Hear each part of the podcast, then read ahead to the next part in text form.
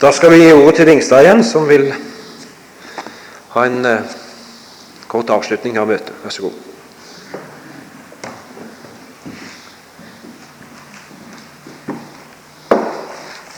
Ja, det har jeg lyst til å gi som, eh, som et vitnesbyrd. Og eh, Nemlig et vitnesbyrd om eh, hva påsken betyr for meg. For jeg har tenkt litt nå, nå i tiden etter første påskedag så jeg tenkt litt, hva, hva, hva betyr egentlig dåpen for meg? Og Skal jeg ta et utgangspunkt i, i, i Guds ord, så må det være det som står om Johannes, apostelen, når han kommer til Jesu grav og finner den tom, og sammen med Peter går inn i den. Så står det noe som jeg har tenkt mye på i løpet av denne påsken, som jeg prekte en del om også i, på påskedagen. Det står 'Han så og trodde'. Han så og trodde. Han, eh, det var altså noe i det han, eh, han så, noe av det han eh, så inn i, som skapte troen hos ham. Og så har jeg tenkt slik for min egen del at tro, kristen tro er bare mulig med åpne sanser. Det er ikke slik som mange tror at troen blir til når vi lukker øynene for virkeligheten. Det er ikke slik at eh, troen bare trives der hvor, eh, hvor jeg som stenger virkeligheten ute. Tvert imot så tror jeg det er slik at eh, troen skapes først når jeg våger å åpne for virkeligheten. Se virkeligheten i øynene. Erkjenne det jeg ser, og det jeg erfarer. Troen trives best da. Nå tenkte jeg ut ifra det at jeg ville snu det litt for min egen del. Hva betyr påske for meg? Jo, påske for meg betyr at jeg, at jeg våger å se virkeligheten i øynene. Troen, påsketroen, troen på den korsfestede oppstandende gjør at jeg på en ny måte våger å se virkeligheten i øynene. Og Jeg har samlet dette her i fem små punkter som jeg vil be dere også tenke litt på. Det er mer som eh, uferdige ting fra meg, men som et vitnesbyrd om hvordan jeg opplever å få lov til å leve efter påskedagen. Det ene formulerer jeg sånn jeg, eh, jeg får lov til å se alt som er godt, uten å la meg lure. Det er noe som jeg opplever at på bakgrunn av Jesu oppstandelse, på bakgrunn av, av, av lyset på påskemorgen, så ser jeg på en måte virkeligheten på nytt. Jeg ser hvordan virkeligheten gikk en gang ut fra Gud. Den han så på når han hadde skapt alt og sa alt er såre godt. Det er på en måte slik at jeg eh, ser verden med nye øyne etter påskedag. Jeg gleder meg over alt som er godt, alt som er edelt, alt som, alt som Gud har skapt. Det blir på en måte i et nytt lys. Og allikevel, jeg lar meg ikke lure. Jeg kan glede meg over det som er godt, uten å havne i utopi. Fordi jeg vet noe om hva som ligger under og lurer. Jeg kjenner liksom noe av ondskapen. Jeg vet at verden er ikke bare god. Så jeg ser det som er godt, uten å la meg lure. Det andre som jeg har tenkt på for min egen del, det er at jeg våger nå, etter påske, å se de ukjente dyp i mitt eget hjerte eller indre, uten å flykte. Påske betyr at jeg våger å se i øynene virkeligheten i mitt eget liv. Se ned i dypet, i avgrunnen av mitt eget liv.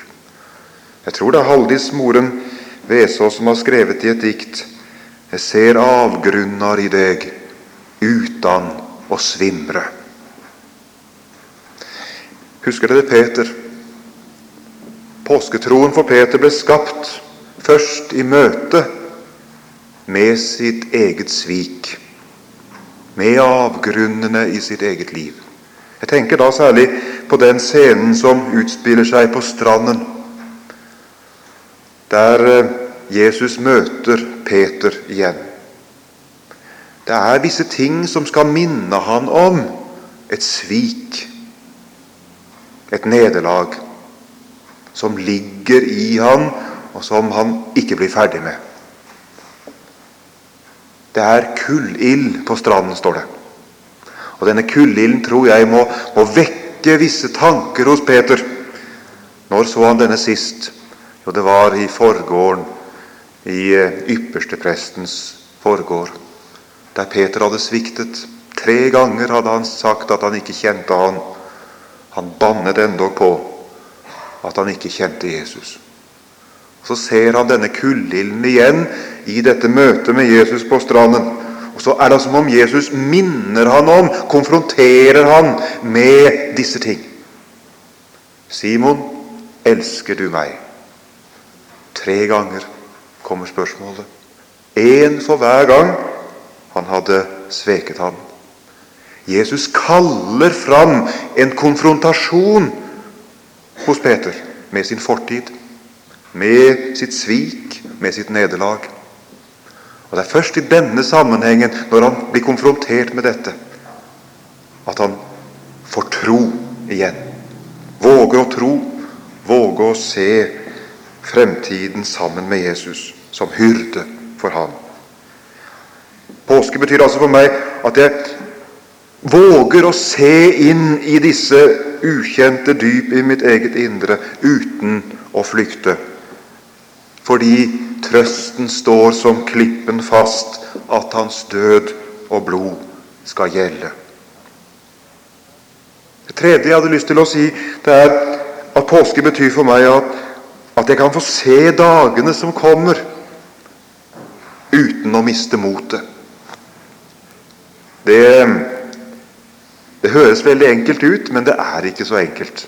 Vi vet alle sammen hvordan dagene kan være, hvordan vi kan grue oss til morgendagen. Simpelthen fordi selv om, om det er en ny dag, så kjenner vi altfor godt alt det som ødelegger, og som, og som hefter ved disse tingene. Dagen blir så fort gammel. Lett å kjenne den igjen. Grue meg for framtiden. Påske betyr for meg at jeg får se med glede fram til dagen i morgen. For se dager som kommer i øynene uten å miste motet. For han ga ikke mismotsånd, men krafts, kjærlighets og sindighetsånd. I år så avslutter vi alltid påskegudstjenesten vår i kirken ute på kirkegården. Da går vi i prosesjon ut av kirken, og så har vi salmebøker med oss, og så danner vi et kors ute på, ved gravene i, på kirkegården. Og der synger vi en påskesalme som eh, jeg er blitt veldig glad i, fordi jeg har hatt nynorsk nå i, i de to siste stedene jeg har vært prest. Ljos over grav som oss livsmotig ga. Vi synger livsmotet inn i hjerte og sinn. Jeg våger å se dagen som kommer, uten, i øynene uten å miste motet. Det fjerde Jeg skal prøve å oppsummere hvordan jeg ser på hvordan hva påsken betyr for meg helt personlig.